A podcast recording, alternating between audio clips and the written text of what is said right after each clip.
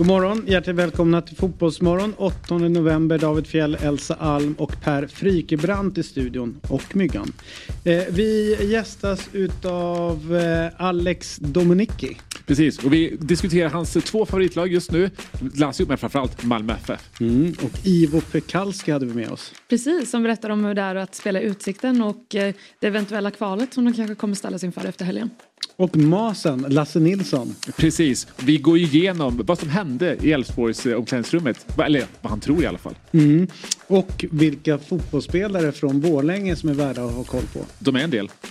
Kalle Karlsson. Precis, som berättar om eh, ja, men det allsvenska uppflyttningen och eh, vad som nu väntar för Västerås nästa säsong.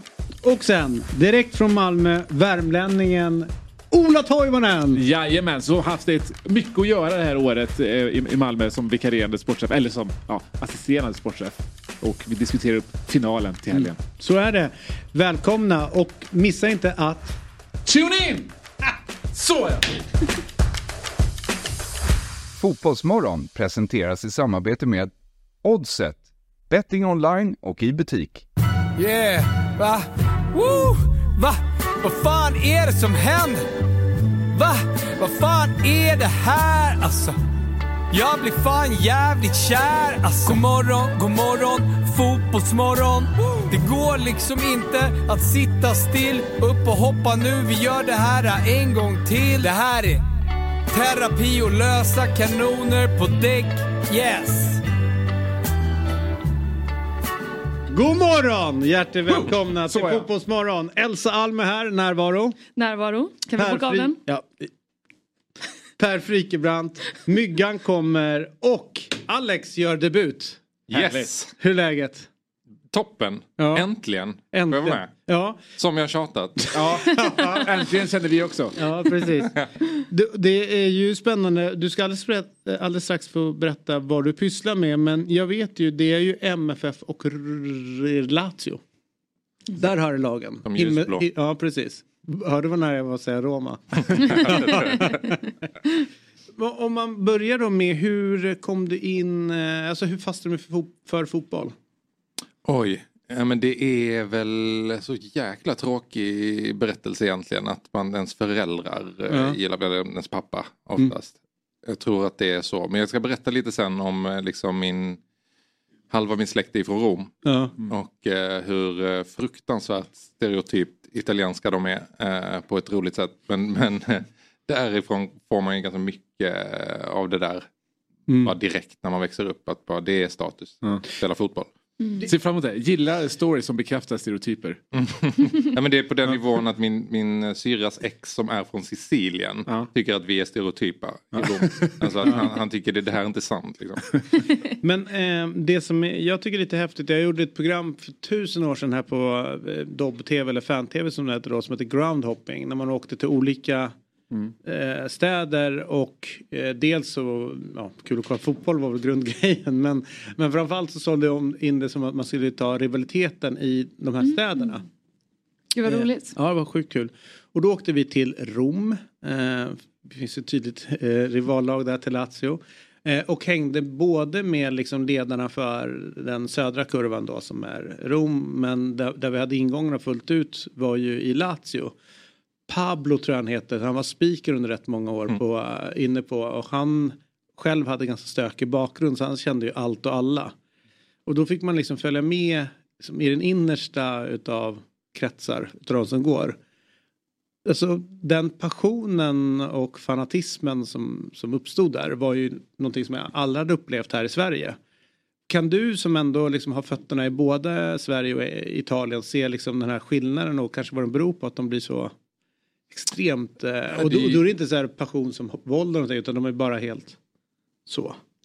Ja, men jag tror, alltså, det är inga människor som kastar gatstenar på varandra Nej. efter en Malmö-match. Eh, eh, det är mest positivt kan jag mm. känna. Men, men det säger någonting om, om hur stämningen är på ett eh, Romderby. Och jag tror att det, är, det byggs upp en sån otrolig liksom, känsla i släkter. Ja, som i min släkt då där hälften hejar på Roma och hälften på Lazio. Det blir liksom ett konstant krig. Mm. Så, så, det är en sån anspänning eh, tror jag som byggs upp inför varje derby och inför varje match. De sitter i vår WhatsApp-tråd och bara hatar Så, på så varandra. familj, familjen har en gemensam... Ja, eh, ja, family, hjärta. Många handhjärtan där. Ja, Ja, men det är också ingen som kan engelska för fem öre så jag vet inte varför de har döpt den på engelska. Family. Vi har ju diskuterat en del, hel del här hur liksom rivaliteten i fotbollen har ja, men försvunnit lite grann. Framförallt kanske man i- inom de gamla klassiska rivaliteterna och de nya som har kommit upp har inte riktigt varit på samma Nej. nivå.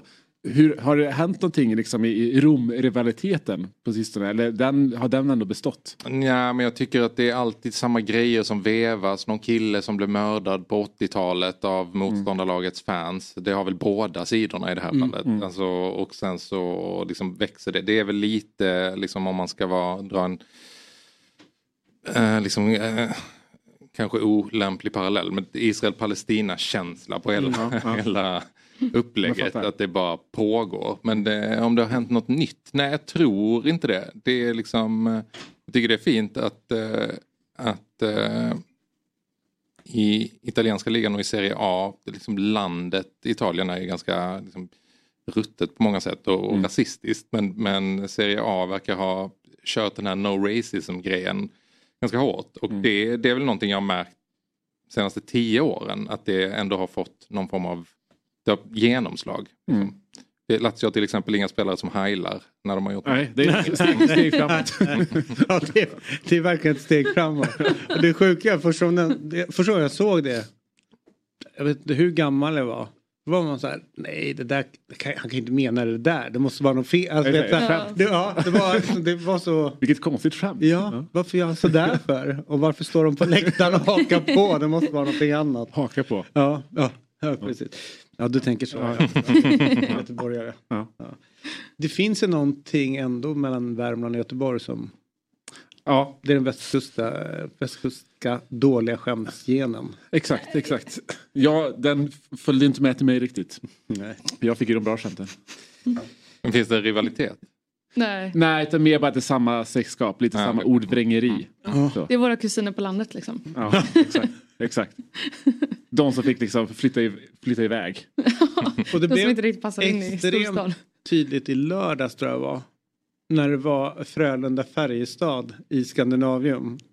Då var det ju väldigt mycket så att det var kusinerna från landet som var på plats. Kan vi Alltså- meddela att det vinnande laget kom in på min eh, restaurang så jag satt och käkade på.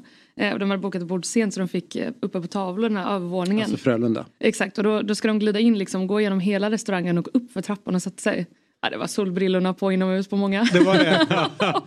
Tror du att de också ville ducka så att ingen skulle känna nej, igen nej, dem? nej, det ville de absolut inte. Är- De var där tidigt många av dem och började med att dricka lite öl i baren liksom, Jaha, innan vi det? fick Ah, upp till sitt bord. Liksom. Right. Och det var, det var närvaro på dem alla. Är de likt eh, Alex polare i Rom, eh, alltså i Lazio, de är ju verkligen kungar när de går ut på stan. Är, är det samma känsla i Göteborg när Frölundas hockeykillar kommer ut? Att det liksom stannar till? Jag tror att de känner så själva helt enkelt. Okej.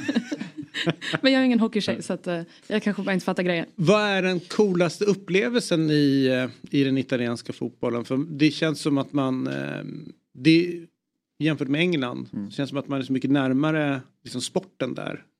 Vad är det häftigaste du varit med om? Ja, men det är ju en massa matcher jag var på med min pappa när jag var liten som liksom har, och så framförallt så känner jag igen när min son nu får lite ont i magen på grund av att det är oklar stämning någonstans. Då tänker jag alltid på en Lazio Lecce match jag var på med pappa. Där jag liksom efteråt hade så jävla magont och inte fattade att det var för all anspänning. Och eh, liksom jag hade aldrig känt en sån känsla för att jag hade aldrig varit någonstans där det är 40 000 människor som står och skriker. Liksom. Eh, men men eh, en, jag var på ett derby för några år sedan med några kompisar som aldrig hade varit där innan och det var så sjukt mäktigt att ta dit, en var romanist också men vi stod i Lazio-klacken. Att få komma in på Olympiastadion med de här snubbarna från Skåne och liksom visa så här, men här är en match här. Och så står, då var vi också lite sena vilket alltid är bra när man ska göra entré på en arena för då är det redan igång.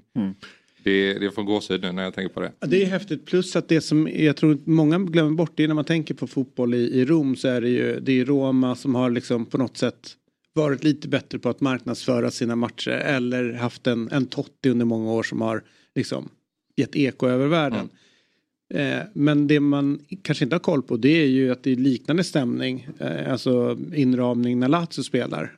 Hur frustrerande är det att liksom de får allt Liksom så här, åh titta Roma och det är laget. Jag kan tycka att det är delvis välförtjänt. Alltså, jag såg att Lotito, Lazios eh, president, var ute och snackade om Lazios brand häromdagen. Mm.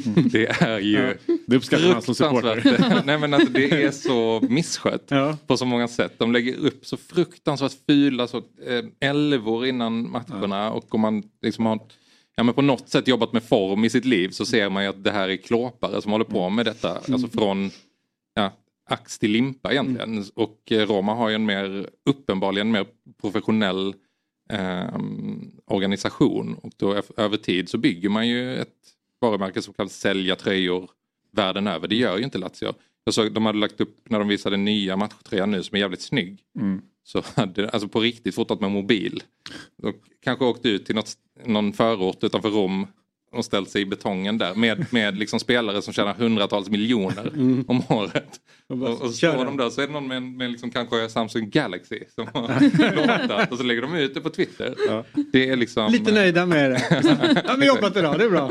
Du känner som, som supporter att det är lite mer genuint då? Att du gillar det? Mer Nej, alltså jag känner bara att jag vill in och, och, hjälpa dem. Alltså, pro bono. Men, men eh, ja, det är svårt att komma som svensk med li, lite knagglig italienska och bara You need to do this. Ja. eh, apropå det där med högerextrem. Jag har ju en favoritstory eh, på läktare vad som kan hända. Det var ju derby då Lazio-Roma hamnar på långsida, inte på finsidan där spelare och allting sitter utan på. Just det, inte Tribuna TV utan den andra. Tastere, mm. ja var det Tastever. Ja. Mm. Sitter där, liksom, är goda nog, kommer till min plats, den är såklart upptagen. Folk går in och sätter sig där man vill sätta sig. Och sen så för man ingen vidare diskussion med den personen utan man går och hittar en annan plats. Hamnar bredvid typ den stökigaste snubben mm. i hela mitt liv jag har mm. sprungit på. Han var sjukt, alltså inte så passivt aggressiv, han var väldigt offensivt aggressiv. Ja. Mm. Alltså redan innan matchen. Och jag tänkte så här, Proaktivt aggressiv. Ja, det kommer bli långa 90 minuter. Ja tog inte lång tid innan högerarmen var uppe och viftade. Eh, liksom i någon, och det var ju... Du bara, vad är det för skämt? Ja, men det var, han var igång hur mycket som helst mm. och var inte helt happy med vem som han fick bredvid nej, sig. Nej. Du vet, sådär fick man hela tiden. Ja. Sen var ju matchen ganska jämn och sen på slutet så gör äh, Lazio mål. Och han blir ju, alltså från att gå den här tuffa liksom alfahanen så blir han ju bräcklig och så oerhört glad. Du vet, så här, det, det finns ingenting som euforin bara tar över allt. Så han ska ju krama allt och alla. Sen börjar vända sig bort från mig och kramar och sen så är det bara jag kvar. så tittar mig och så får jag så här du får en också. Får man kramen ändå ja, liksom. Ja. Och den är liksom så stenhård och härlig. Ja. Och då, då blir man ändå så här, men fan fotbollen då. Alltså. här har vi suttit i 80 minuter. Han har typ intensivt hatat mig. Exakt. Men nu, nu är vi här tillsammans. och sen, sen, efteråt var det lite som när man vaknar upp morgonen efter. Ja, känns det lite smutsig. morgon, god morgon, fotbollsmorgon. Woo! Så här, vad gör man om man är eh, eh, som spelare i nuvarande liksom, trubba, trupp och är livrädd eh, liksom, att snacka med den här guldveckan?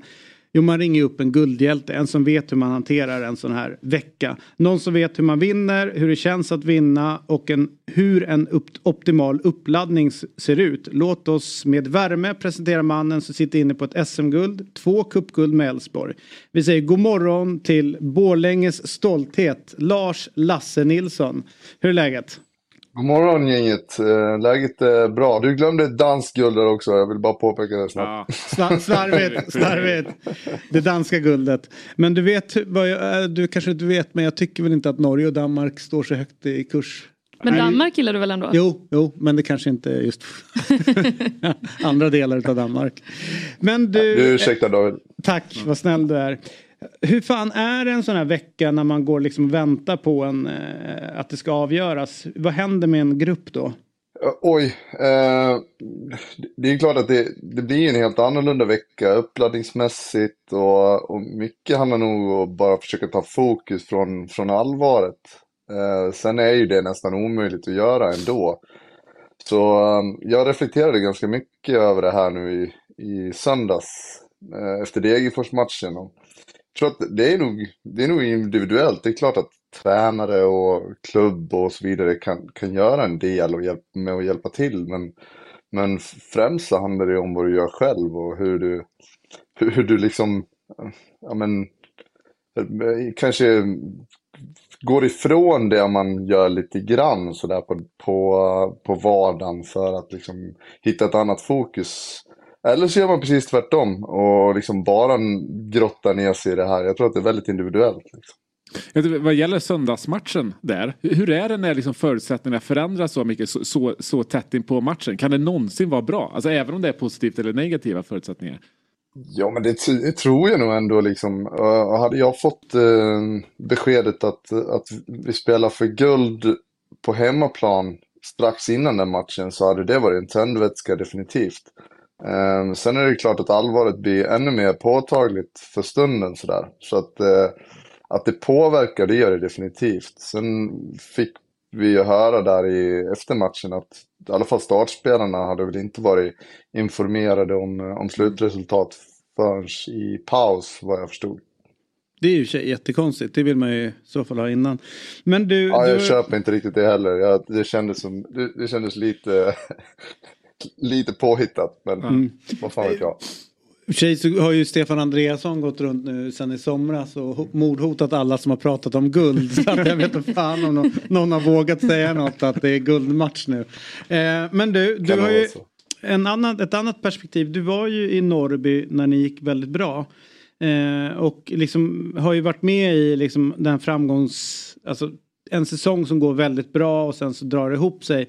Kan du se att det fanns någonting där ni kunde agerat annorlunda för att få spelarna kanske att inte liksom tappa fokus eller att de inte skulle känna så mycket nervositet eller har ni, har ni tänkt någonting om det? Det är klart att man har reflekterat och funderat. Sen tror jag att det är väldigt svårt att jämföra också ett eh, Eh, det ska man inte göra. Alltså det är ett Elfsborg med den historiken och, och, med den spelartruppen med ändå en hel del rutin och, eh, och dessutom eh, väldigt fina kvaliteter tycker jag inte kanske ska påverkas lika mycket som ett, ett, ett superettan-gäng som aldrig har varit i den situationen förut. Så den, den jämförelsen blir lite orättvis tycker jag. Och den vill jag inte göra. Ja, okay, jag fattar.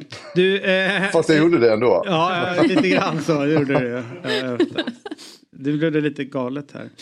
Eh, om du ser då förutsättningarna inför söndag och att Malmö liksom får en, en, en ny chans in i guldstriden. Tror du att det kan påverka dem någonting att de får en andra chans?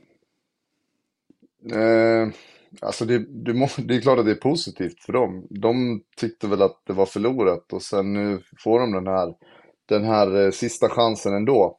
Eh, på något märkligt sätt. Så att, eh, alltså att Malmö har allt att vinna på hemmaplan eh, där alla förväntar sig att de ska vinna. Det, det kan man inte riktigt säga. Men, eh, men eh, positivt såklart. Mm. Vad tänker ni guld? Vad tänker, har du några frågor om Elfsborg? Ja, jag tänkte på Axén var här häromdagen va? Mm. och sa i princip att bara men lägg ner träningen den här veckan. Eh, ta in 20 hjärnskrinklar istället. Mm. Vad tror du om en sån eh, taktik? ja, det får ju stå för Axén såklart. Men jag tror att de börjar att och rota för mycket i, eh, i de mentala aspekterna nu sista veckan, det tror jag bara är dumt om jag ska vara ärlig. Men jag förstår vad han menar. Och jag, jag tror det var lite det jag var inne på eh, i början. Jag tror att göra eh, men relativt samma saker i träning, inte hålla på och fokusera på, på matchen i sig, utan fortsätta jobba med det man har jobbat med hela året. Men kanske också hitta en lite mer lättsam inställning till träningen och att det kanske inte behöver vara eh, skarpt varje dag utan att det, det, kan få vara lite, lite skoj och, och, och garv. Liksom. Sista fråga då. Eh, du var eh, och kände på sportchefsyrket lite grann i Norrby. Ehm, har du funderat eller pratat någonting med Elfsborg om att komma in i deras organisation och, och jobba något? Alltså jag har ju alltid haft en bra dialog med Elfsborg eh, genom de här åren. Och, eh, nu är jag ju arbetslös så vi får se vad som händer. ja, Erik, nu, nu är det ungefär som att han flyttar hem till Borlänge. Många som pratar om Borlänge säger det. Jag är arbetslös. Eh, det låter som en kontaktannons. Ja, exakt, ja. Ja. Det är bra att slänga ut den. Ja, det är klart att Potentiella arbetsgivare kanske plockar upp. Och sen kanske den viktigaste ja, frågan då. Vem man är den de bästa man. Vem är den bästa spelaren från Borlänge? Eh, jo, men det, det är väl min, min pappa då i så fall. hur, och hur, hur bra var han? Eh, han gjorde fler landskamper än mig, det får jag ständigt höra. Så att, eh, eh, nej, men vi har ju, det, det, det, var ju en generation där som med Martin Eriksson och Lundén och, och jag själv och säkert någon jag glömmer. Eh, men eh, vem är bäst? Ja, Sen hade ju Bernt Ljung eh, på 80-talet. Peter Fukt som kom fram på 90-talet. Patrik Karlgren kanske inte den bästa. Men det, det är... Han från Falun va egentligen? Ja, ja, det kanske är från Falun man kom. Ja. Men det är många som mm. kommer Borlänge där från ja, början. Jävla fotbollsnäste. Mm. Mm. Coolt. Ja, härligt eh, Lasse. Vi ska sitta och prata vidare om spelare från eh, Dalarna så kan, kan du somna om. ja, det tycker jag ni är rätt ja. i. Jag tycker att det, det känns som en bra, bra samtalspunkt. Ja, det är det. Ha, ha det gott. Tack för den här morgonen. Hej, Tack hej. själva. Ciao. Ja, det, är, det är häftigt med eh, Borlänge. Om man ska landa där. Är det verkligen det? Ja, jag tycker det. Ja, på, har du varit på Domnarshallen och kollat någon Nej. Klassisk, jag har missat något. Klassisk kanske. arena. Och så står det väl, visst är det SSAB stora det kan det som, vara. Äg, som äger liksom själva Alltså för att vara en stad eller ort av den storleken det så, har ju producerat många stora personligheter. Skojar du? Eh, inte bara fotbollsspelare. nej, nej, nej, nej. Vilka mer har vi? Eh, nej men du har ju liksom... Nu kommer någon. Du har det där gänget. Som det finns en Peter-dokumentär om. Jon Persson, alltså Persson. fotbollsspelaren? Ja, exakt. Jussi Björling är född i Borlänge. Tror jag. Är det? Ja. Nej. Eh, jo. Men sen så är han adopterad eh, värmlänning. Ja, jag tänkte väl att det var. För ja. jag har alltid hört från alla värmlänningar. Jussi Björling. Men ja. han är så Borlänge. Sen så är Norlén. Eh, ja, de är, ja, de är, musik är mycket ja. därifrån. Härligt, strax tillbaka. Det här är Fotbollsmorgon. God morgon, god morgon. Fotbollsmorgon. God morgon, god morgon. Fotbollsmorgon. Woo! Hörru du Axel, gillar du att dagdrömma? Ja, men det kan vara rätt trevligt tycker jag absolut. Vad drömmer du om då? Oftast blir det väl ändå fotbollskarriären. Eh, både en och två gånger skulle jag säga. För det är ju så för oss här på Fotbollsmorgon. De flesta dagdrömmar ägnas åt fotbollskarriären. Men på senare år har jag slutat drömma om något så stort att liksom bli en bra eh, spelare utan det är snarare mina tränardrömmar som börjar kicka in. Okej, okay, så det är lite Fabian Ahlstrand inspirerat här? Nah, eh, nej, så långt ska inte jag gå. Men snarare football manager och det är ju så att eh, jag inte behöver dagdrömma så mycket längre därför att Segas otroliga spel det är ju hur autentiskt som helst. Eh, och eh, jag tror ju att jag kommer få eh, mina drömmar uppfyllda här. Mm. Nej, det är i och för sig sant. Football Manager, där har jag nog lagt betydligt fler timmar på att spela det än på att eh, dagdrömma i alla fall, det kan jag säga. Då är vi ju samma skrot och korn. Det är typ du och jag och sex miljoner andra. Okej, okay, det, är, det är så pass många som blir där ändå. Mm, och man behöver aldrig spela heller. Det finns ju ett världsrekord som visar det ganska tydligt. Okay. Det är, är det? en eh, polack, en polsman som har styrt sitt FM-lag i 528 spelår. Okay. Ja, jag hoppas att jag inte riktigt behöver 528 år innan jag kan ordna upp AIKs kris i min egen FM-karriär. Jaha, det är här du håller på med nu på jobbet istället för att arbeta. Det är alltså football manager. Ja men självklart gör jag det. Jag är ju på god väg att värva Jordan Larsson nu återigen till AIK. Jag tror att han kommer såklart bli en nyckel i anfallsspelet den här säsongen för AIK. Då är vi samma skrot och korn som sagt var. Football manager 24 går alltså att köpa nu till PC, Mac, Playstation och Xbox bland annat. Så nu uppfyller vi våra dagdrömmar och tar AIK till Europa igen. Dock så hoppas jag att Kärna hjälper mig. Ja, det vore ju fint. Och så tackar vi Football Manager och Sega för att de är med och sponsrar Fotbollsmorgon. Poddtips från Podplay. I podden Något Kaiko garanterar östgötarna Brutti och jag, Davva, dig en stor dos skratt. Där följer jag pladask för köttätandet igen. Man är lite som en jävla vampyr. Man har fått lite blodsmak och då måste man ha mer. Udda spaningar, fängslande anekdoter och en och annan arg rant. Jag måste ha mitt kaffe på morgonen för annars är jag ingen trevlig människa. Då är du ingen trevlig människa, punkt. Något kajko, hör du på podplay. Därför är gardinerna. Morgon, god morgon, fotbollsmorgon. Woo! Då är vi tillbaka i Fotbollsmorgon. David Fjell, Elsa Alm, Per Frykebrant och Myggan. Hur är läget? Jättebra. onsdag. Ja, Mm. vad är det för rolig märke du har på äpplet där? Det är ett eller, äpple. är det, en, det är ett äpple eller är det en tomat? Okej, jag ska bara kolla.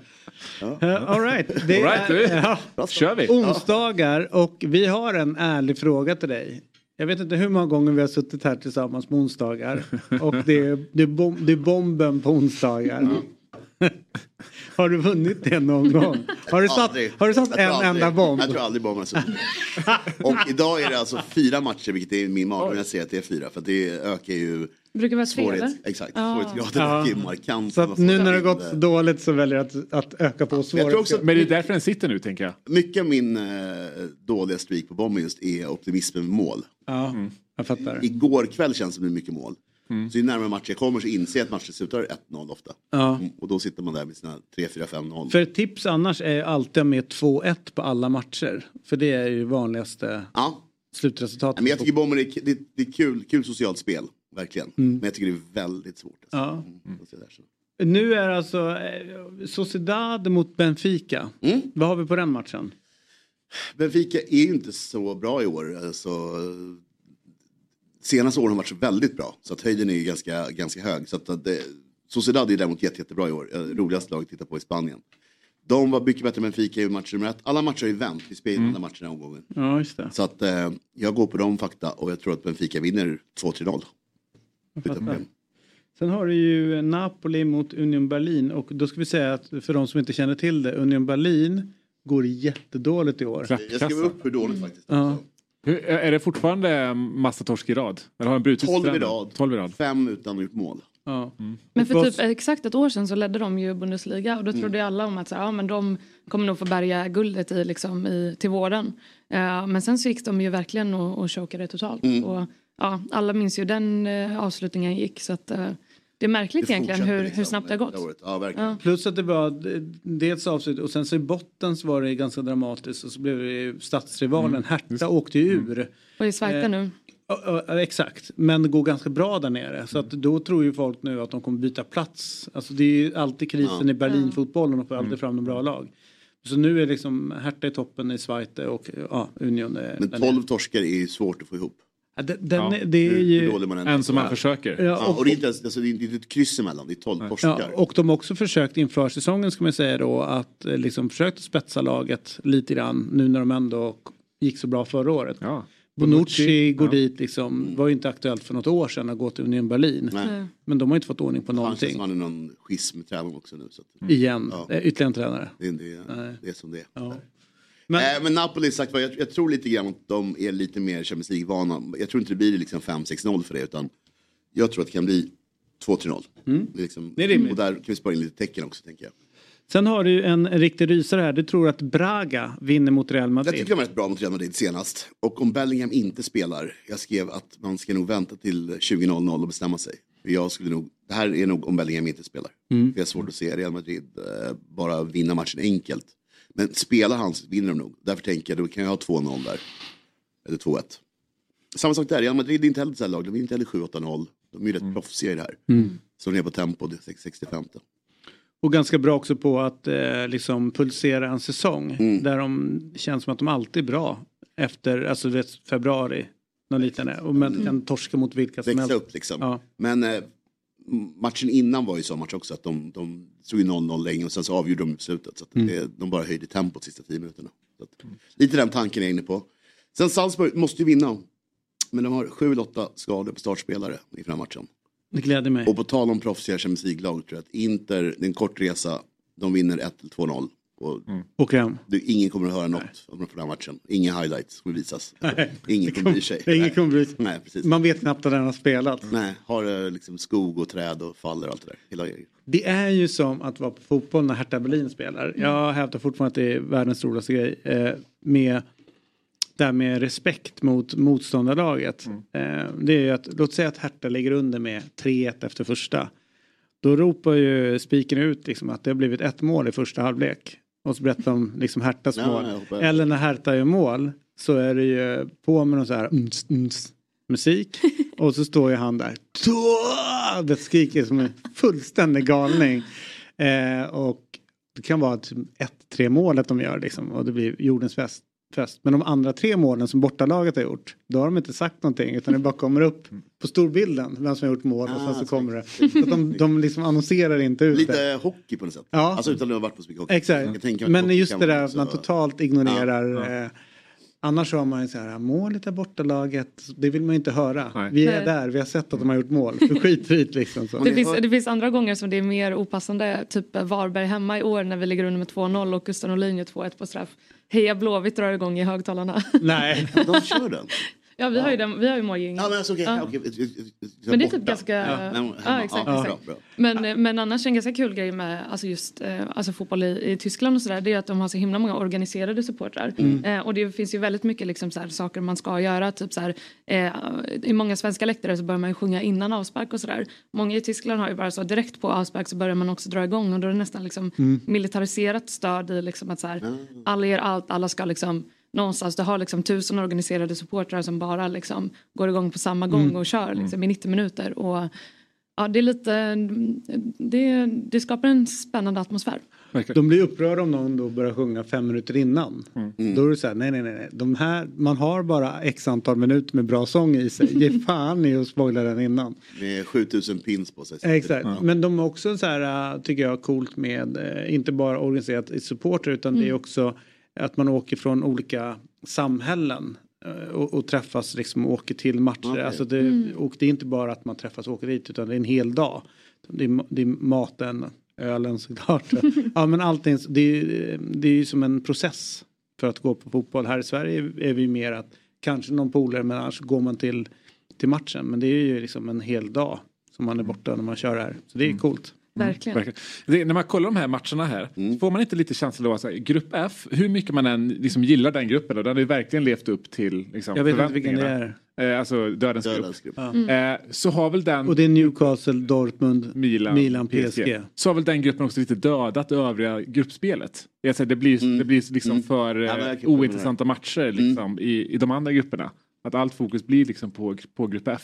Ja, men det, är nog, det är nog väldigt sant. Eh, jag tycker att Sociedad, uh, härvan är rolig. Det finns roliga grupper ska jag säga. Ja. Jag håller med om Mm. att gruppen har my- mycket fokus. Ja. Men eh, nu är det ju skakats om rätt ordentligt. Alltså, Newcastles resa är ju rätt intressant. Ja, ja, den gruppen är ju helt... Alltid svårt tänker jag liksom med, dels som ju deras bästa spelare i de här matcherna tycker jag då Isak inte är med. Uh, Callum Wilson tycker jag inte håller i, i här riktigt så. Men inte sen Joel tror- Linton heller på topp. Inte Joel Linton heller på Nej, topp. men jag tror också det tar ett tag innan man kommer in i alltså, eh, som en sån klubb som kommer upp som Mm. har varit borta från allting under rätt många år. Att hantera både Champions League-spel, eh, vanligt liksom med ligan, kupper och alltihopa. Det blir liksom en extra grej. Mm. Och jag vet att Sir Alex Ferguson sa det att det tog sjukt många år innan de som organisation i Manchester United fattade vad som innebär att spela eh, i, i Europa.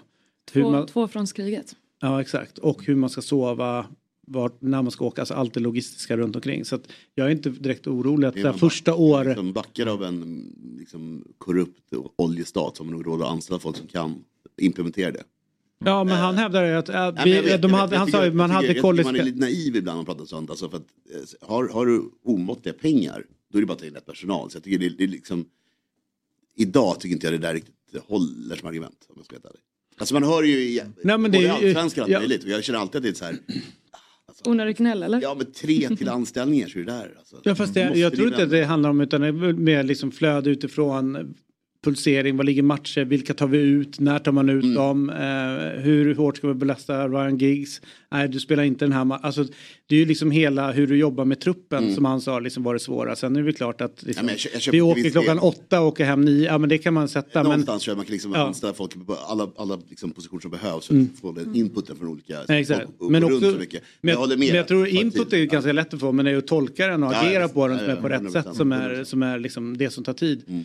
Mm. Eh, så att jag är inte direkt förvånad över att, eh, att de går så tungt. Däremot så är jag lite förvånad över att folk är förvånade över hur bra eh, Ruben Loftus-Cheek är. Mm. Där folk sitter och säger så här, ah, det här såg vi inte, visste inte. Det är ju för att folk hade bestämt sig innan Mm. att han är inte tillräckligt bra, han platsar inte. Chelsea kan aldrig vinna med en sån typ av spelare och så vidare. Han, alla, man har bara följt honom det man har sagt och även när han var, innan alla skador så var han på den här nivån. Så att det är ju liksom, Hade han, plats, hade han tagit en plats i Chelseas mittfält nu tror du? ja, 100 procent. Men igår var inte bäst på plan. Ja. Mm. Och han är ju liksom mellan boxarna så är Ja, liksom Mm. enorm. Det finns mycket. En annan Och- sak som jag tyckte var lite spännande, alltså om vi pratade lite om, om matcherna igår, det var ju också att eh, eh, Shakhtar Donetsk faktiskt lyckades vinna mot Mm. FC Barcelona. Eh, och de spelade ju sin match i, i Hamburg eftersom de inte kan, Mm. kan spela i Ukraina. Eh, och där väldigt många har just flytt från Ukraina till eh, Tyskland och sådär. Eh, och det var väldigt spänn- det var väldigt liksom fin uppslutning någonstans på matchen. Och ganska fint också att de fick med sig den här segern och faktiskt såg till att Barcelona inte kunde säkra Mm. eh, vidare avancemang i, igår utan de kommer ju behöva göra det i nästa match.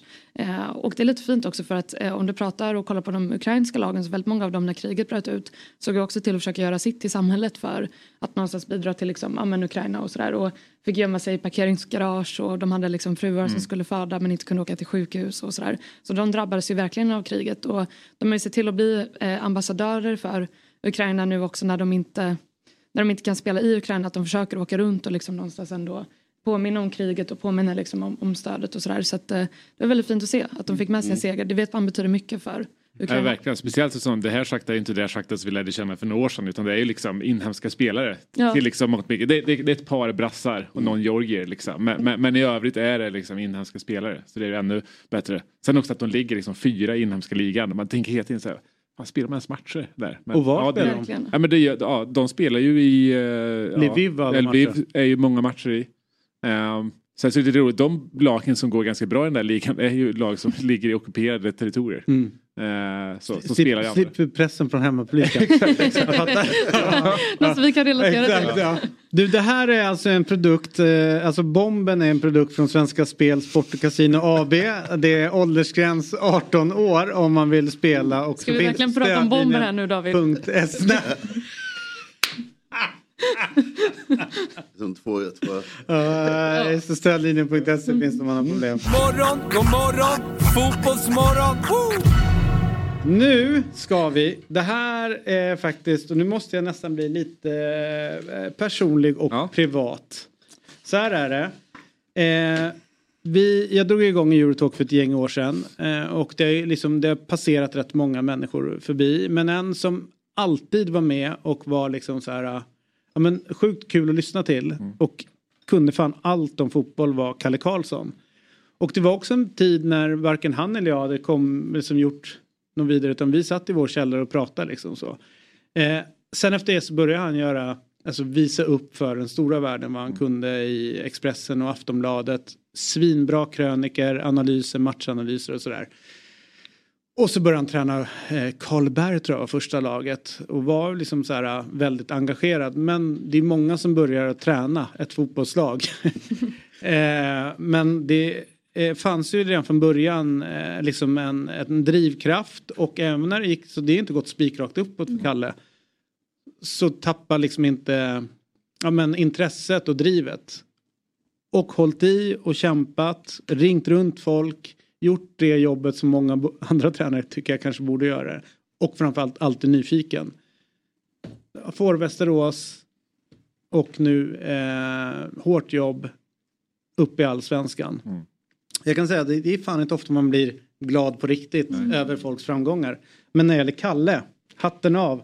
Stort jävla grattis Kalle, det här är hur stort som helst i min värld. Eh, beskriv hur, hur du känslomässigt, eh, liksom, när du börjar reflektera över från när du drog igång tills idag allsvensk tränare. Det är en sjukt häftig resa.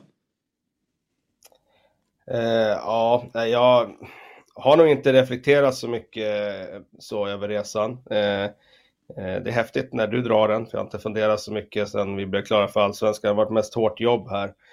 Vi festade på en dag här direkt när det blev klart och sen insåg man när man vaknade upp sen på tisdagen att oj, nu börjar det hårda jobbet här om vi ska ha någon chans att, att överleva i allsvenskan. Eh, så att jag faktiskt inte reflekterar. Och sen är det väl så i livet också att när man är mitt uppe i saker och ting, i alla fall jag, så man kör bara och sen reflektera, det får man göra när man sitter i gungstolen sen och pratar med barnbarnen.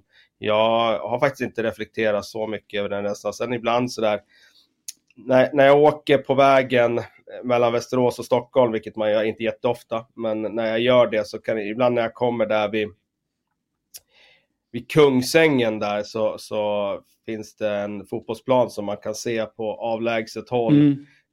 från E18 där om man kommer mot Stockholm så ligger den till höger om vägen. Ibland när jag åker förbi där så brukar jag titta ut mot den planen och snegla bort där. För där gick jag min första, den allra första tränarkursen eh, eh, och då är vi på hösten 2012. Och då gick jag, kommer ihåg, jag gick upp tidigt, eh, jättetidigt, hade hyrt en bil. För det var omöjligt att via SL åka från min tjejs lägenhet på södra sidan av stan i Stockholm bort dit så tidigt. Och sen hade jag hyrt en bil för att åka dit till den första tränarkursen.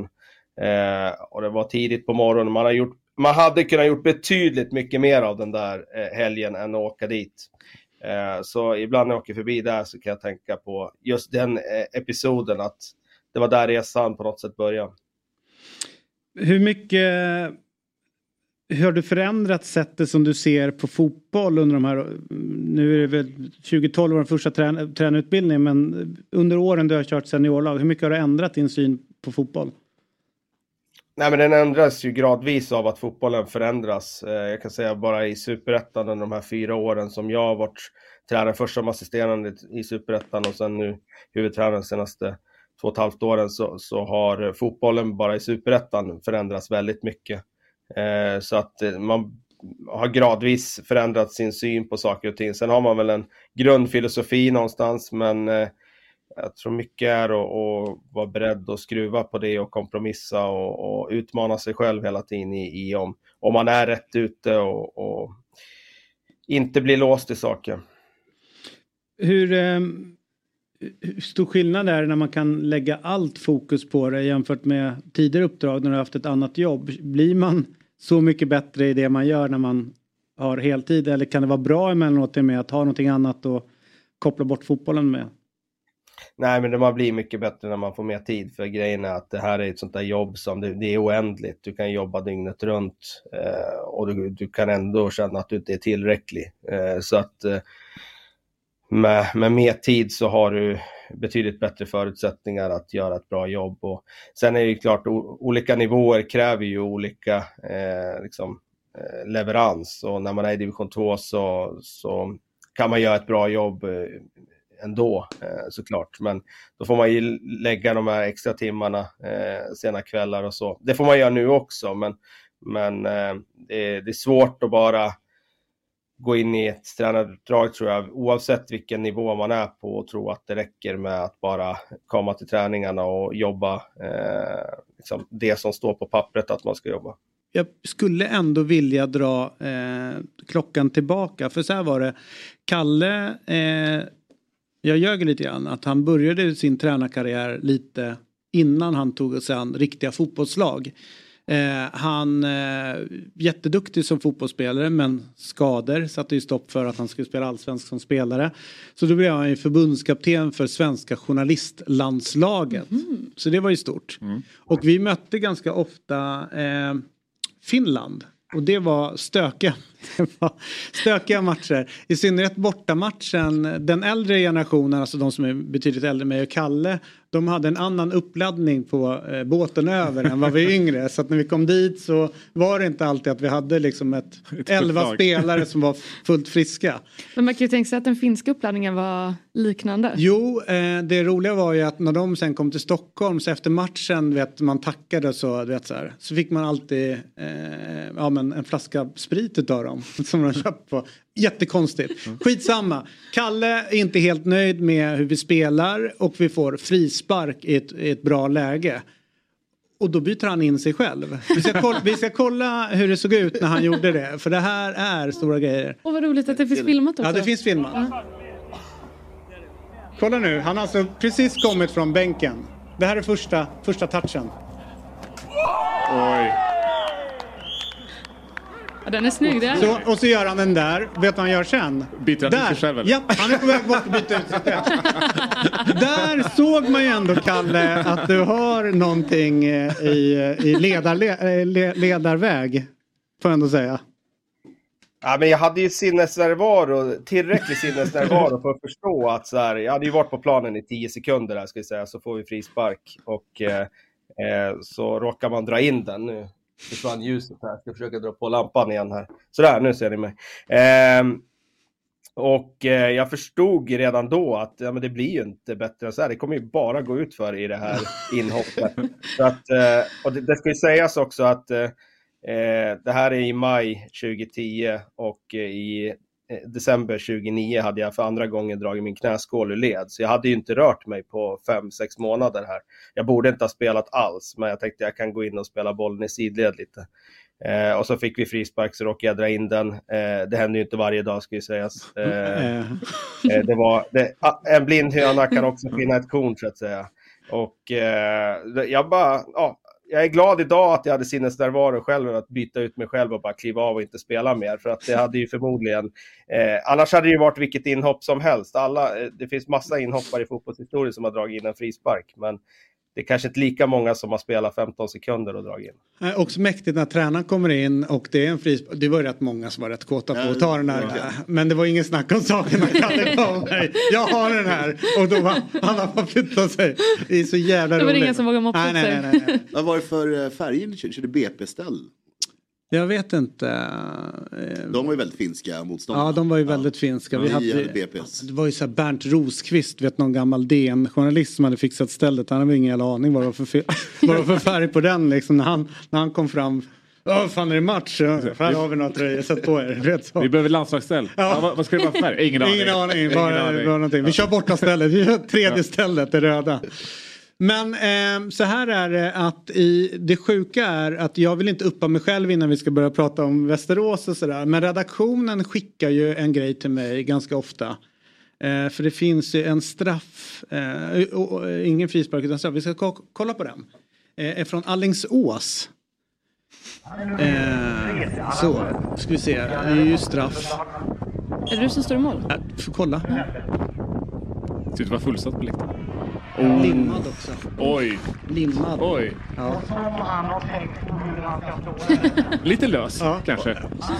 Den limmas och den, den lilla lätta förnedringen utav straffsparksläggaren sen efteråt. Jag tror också jag sa att jag, tog, att jag limmade den. Han kom ändå fram och kramade dig. Jag kramar honom. Man, man är ju sällan sett kramar efter en straff. Nej, nej. Jag tyckte synd om honom. Ja, ja. Och fullsatt också. Ja, ja fullsatt, fullsatt arena. Så jag vill inte att vi bara ska uppa Kalle nu. Nej. Utan ni förstår varför han ställde mig i mål den här matchen. Om jag nu gjorde det, jag kan spela ute Henrik Strömblad. Jag tror du spelar mittback faktiskt. Du insisterar ja, det... ju ofta på att du skulle spela mittback. Ja. Eh, Oklart varför. Men... Eh. ja, det är bra. Är det samma surr när man har ett allsvenskt lag att det står någon galning och vill ha en eh, position som du inte tycker? Alltså, Absolut, det är exakt samma sak. Men lite mer Alla ovanligt kanske att, uh, kanske lite mer ovanligt att målvakterna vill gå in som mittbackar kanske. Ja, fast det är en fin position. Ja, de, de vill gärna gå upp och, på, på hörnor, de vill gärna gå upp och slå frisparkar, de, de vill gärna eh, synas de också. Mm. Det här är Fotbollsmorgon, god morgon, god morgon, Fotbollsmorgon, god morgon, god morgon, Fotbollsmorgon. Woo! Ett poddtips från Podplay.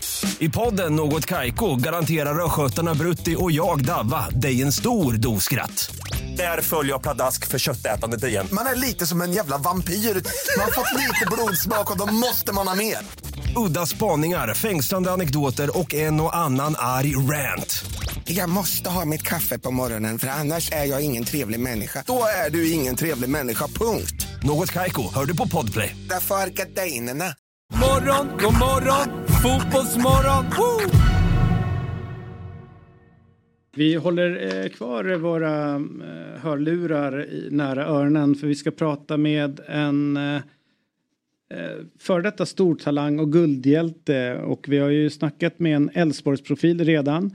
Så nu ska vi ta ett snack med landslagshjälten, guldhjälten, för detta stortalangen, profilen, supporten, skyttekungen och lärjungen Ola Toivonen.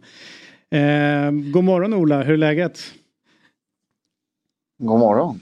Du kom inte på något mer eh, ord där, det lät ju rätt bra Nej, nej, nej. Jag, jag fick ur eh, allt tror jag nästan. Eh, det är ju en mäktig karriär du, du har bakom dig. Du, det har gått ett år sedan nu du valde att lägga skorna på hyllan och ett år, ett år har nu gått där du har jobbat sida vid sida med Daniel Andersson. Hur har det här året varit för dig? Uh, nej, men mycket bra såklart. Uh, lärorikt och uh, man har lärt sig otroligt mycket. Uh, den ena dagen heter den andra lik som man säger och nej, det har varit väldigt inspirerande och roligt att få gå bakom Daniel och samtidigt har man växt som person utanför planen och fått tagit mer ansvar och sådär. Så nej, men det är superroligt. Väldigt bra år att liksom välja att eh, praoa som sportchef. Lite grann. Hänt, hänt en del i Malmö. ja, det har det ju kan man ju lugnt säga. Eh, det har varit stor omsättning på, på spelare. Eh, ny tränare som vill sätta sin struktur på allting eh, och tycker att vi har kommit en bra bit på vägen faktiskt. Även om vi inte är, är i målen med, med Henrik och hans tänk och hur han vill se sitt lag spela så är vi ändå en bra bit på vägen och det kan väl eh, Eh, lite pricken över i att, eh, att vi börjar vinna på söndag och få ett guld. Det hade varit en bra början på en eh, förhoppningsvis eh, otrolig resa med Henrik. Du, eh, när man eh, kollar på Malmö hur de spelar eh, och jag vet att du har själv varit forward eh, och ni har Isak Kiese där och det systemet som ni har hur, eh, hur skulle man kunna göra så att man får honom mer involverad och liksom använda hans kvaliteter än mer än vad ni får ut idag? Uh, ja, men det är en bra fråga. Uh, om vi ser hur vi börjar säsongen så tyckte jag vi använde Isak på ett väldigt bra sätt. Uh, vi hade Hugo, AC och Sergio som i stort sett hade, hade tränat varje träning under tre, fyra månader tillsammans, tillsammans med Isak. var alltid i samma lag. och AC tog ett jättestort ansvar där och involverade Isak och låg nära Isak hela tiden. Eh, Hugo och AC försvinner och eh, det kommer nya spelare in och så skapar nya relationer tillsammans med Isak och eh, det blev väl lite körigt där i sommaren och, och, lite på hösten men nu tycker jag det är bättre igen. De sista två matcherna har jag gjort två mål Isak så det båda gott inför söndag. För jag vet att du är inne och jobbar lite grann som anfallstränare eller hjälper dem och, och sådär. Vad, vad är det du har petat på eller jobbat mest med Isak under året? Nej, jag är väl väldigt noga med om Henrik vill ha hjälp på plan och sådär. Då är jag inte, jag rör inte till det i struktur eller något sånt där, utan vi är bara där för att nöta liksom lite avslut och så här goa övningar, du vet.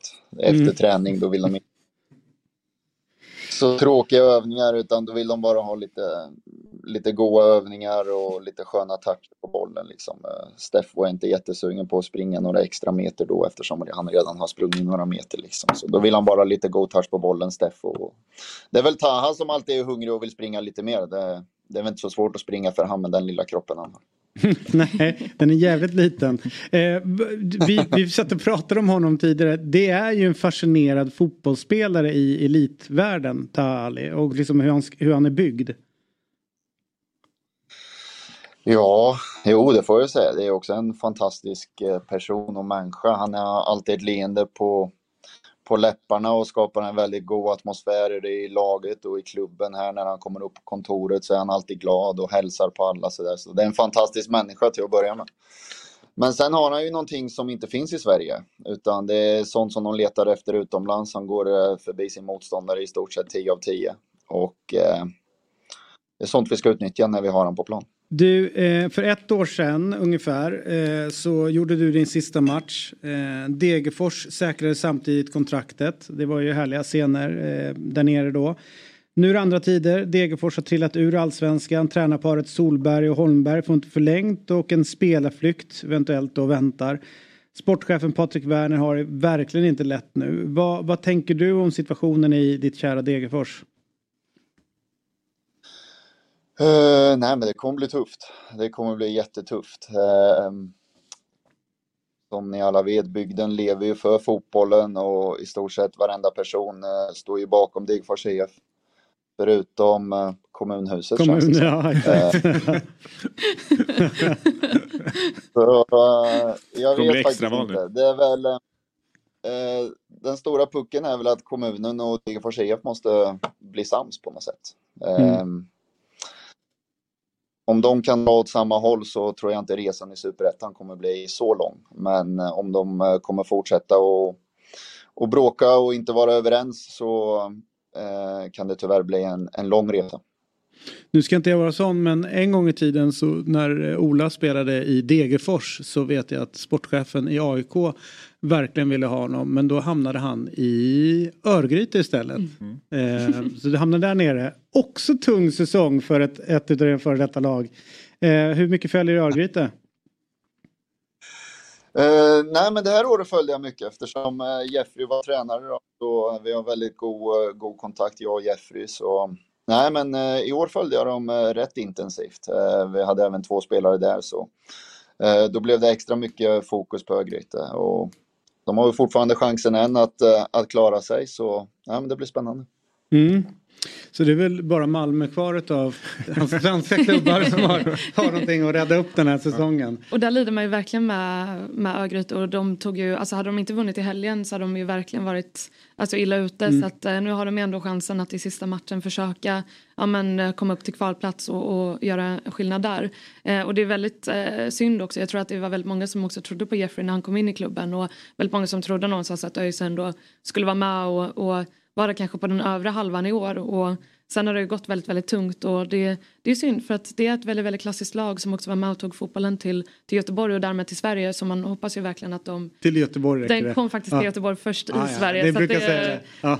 Genom Wilson-båtarna kom engelsmännen och började spela Ja, fotboll det på brukar säga det. Men det är en fattar. annan historia. Ja, Det är- Helt annan historia. Ja, det är det annan historia. Ja. men oavsett så, så är det ju ändå eh, med ett sånt klassiskt lag som ändå är ett av Sveriges första lag så, Mm. så hoppas man ju verkligen att de ändå klarar det superettan-kontraktet och sen också hittar någonting. Eh, ja men så får de på fötter igen. Mm. Du, eh, innan vi släpper dig då, guldmatchen till helgen. Hur är stämningen i föreningen?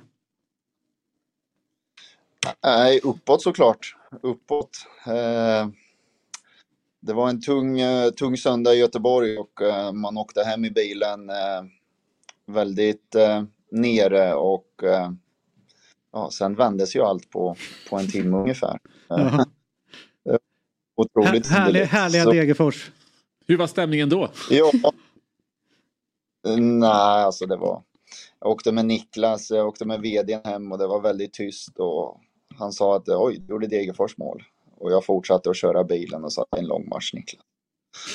Sen sa han plötsligt att de gjorde 2-1 Degerfors. Jag bara, vad fan händer? Då blev man ju stressad och nervös och frågade hur länge det är kvar. Nej, 15 minuter sa han. Och, ja. Och så 2-2 och då han nu och så kom alla tilläggsminuter där och svetten på ratten bara rann. det, var, nej, det var obehagligt och sen skrek han att det var slut. Så nej, det var ju helt otroligt och så jävla fint av, av Degerfors liksom att att lösa 2-2 då. Men du, eh, hur mycket, hur mycket rycker det i benen att få gå in och lira? Det är ändå inte så jävla länge sedan du var du la av och en finalmatch, fullsatt eh, arena. Alltså det måste ju vara, eh, det måste ändå locka. Jo, men vi sa det innan matchen mot Häcken där. Vi är ju några som har spelat förut i, i organisationen. Att man skulle kunna ge sitt, sitt ben eller sitt arm liksom för, att- för att kunna få spela de här matcherna liksom. Eh, och den här matchen nu som kommer, det är ju helt otroligt. Eh, trycket att eh, så många som vill komma och titta är ju enormt och eh, det kommer nog koka här inne på söndag.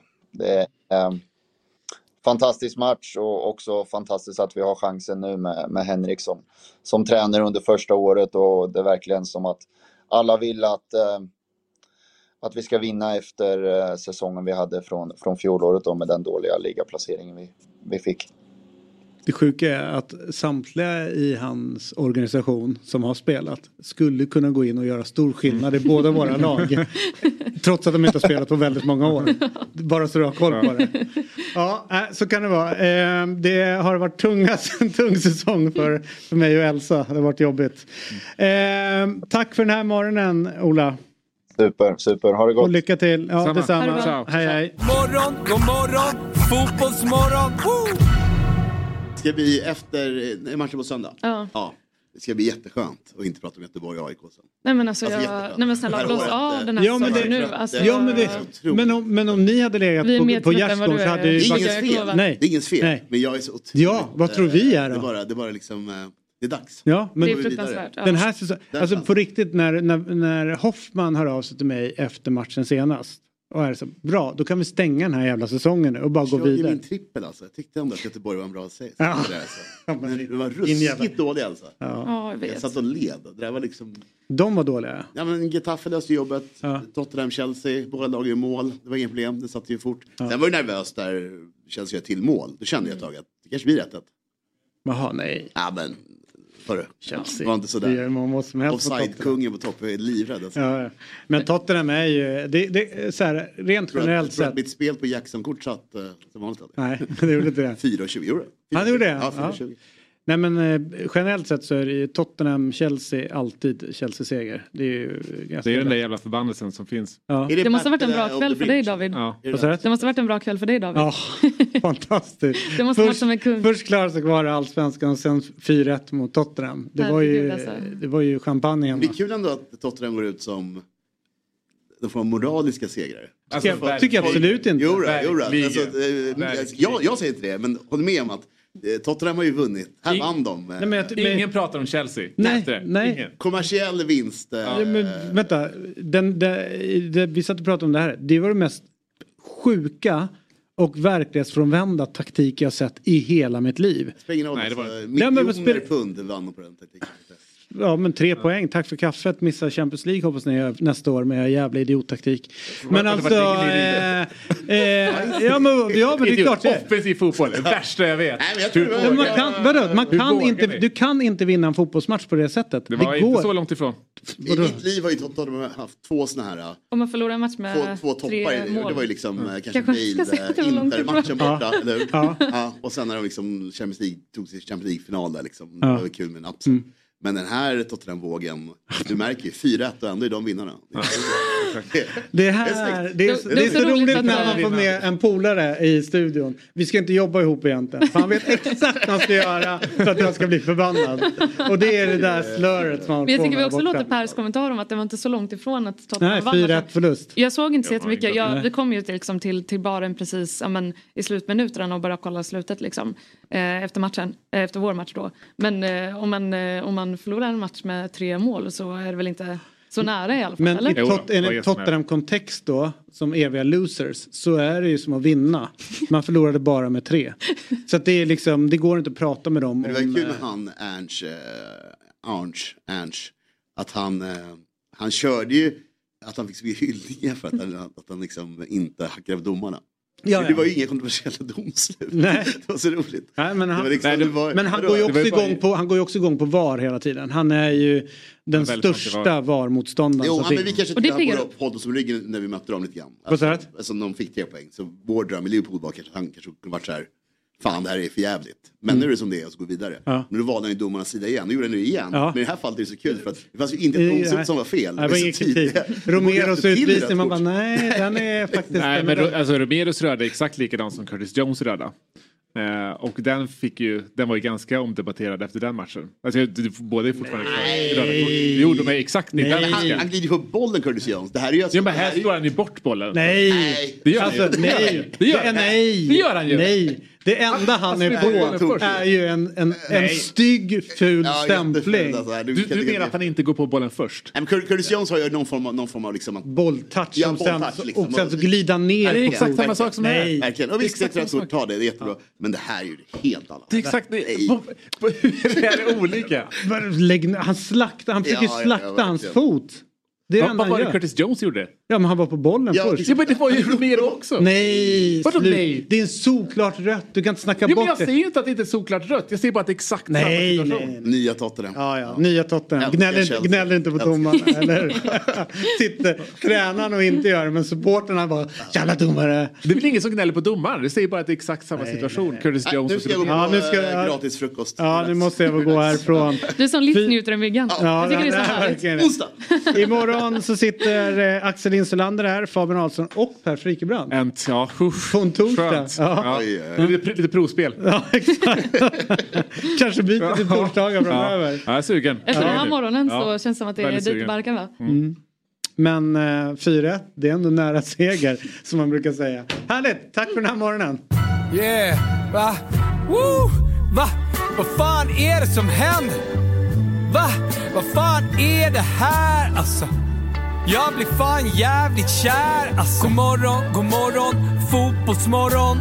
Det går liksom inte att sitta still Upp och hoppa nu, vi gör det här en gång till. Det här är live ifrån Stockholm city. Det är från tidigt på morgonen till imorgon. Bitti vi bara Vibar och bjuder på oss själva. Du känner det också hur studion börjar själva. Du har väntat länge nog på vår skit. Det har vi med. Blod, svett, tårar och slit. Det här är som en pumpad boll på en magisk matta. Vi har jobbat med de bästa. Lyssna, du kommer fatta. Hata om du vill och var avundsjuk. Men det klär dig jävligt dåligt och då byts du ut. Yeah! Woo! Det här är Fotbollsmorgon. God morgon, god morgon, fotbollsmorgon. God morgon, god morgon, fotbollsmorgon. Woo! David, David, David. Det här är Fjällsgäng på dopp som drar upp rullgardinen. Yeah. Vi hatar plast men vi älskar gräs. Det här är smilet på pendeln. Det här är gemensamt boende. Det här är inte Insta, not the result we wanted. Det här är terapi och lösa kanoner på däck, yes.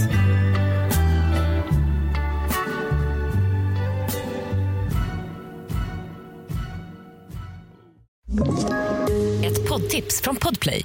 I podden Något Kaiko garanterar östgötarna Brutti och jag, Davva, dig en stor dos skratt.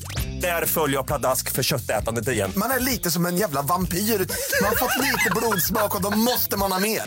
Udda spaningar, fängslande anekdoter och en och annan arg rant. Jag måste ha mitt kaffe på morgonen för annars är jag ingen trevlig människa. Då är du ingen trevlig människa, punkt. Något Kaiko, hör du på Podplay. Därför arkadeinerna.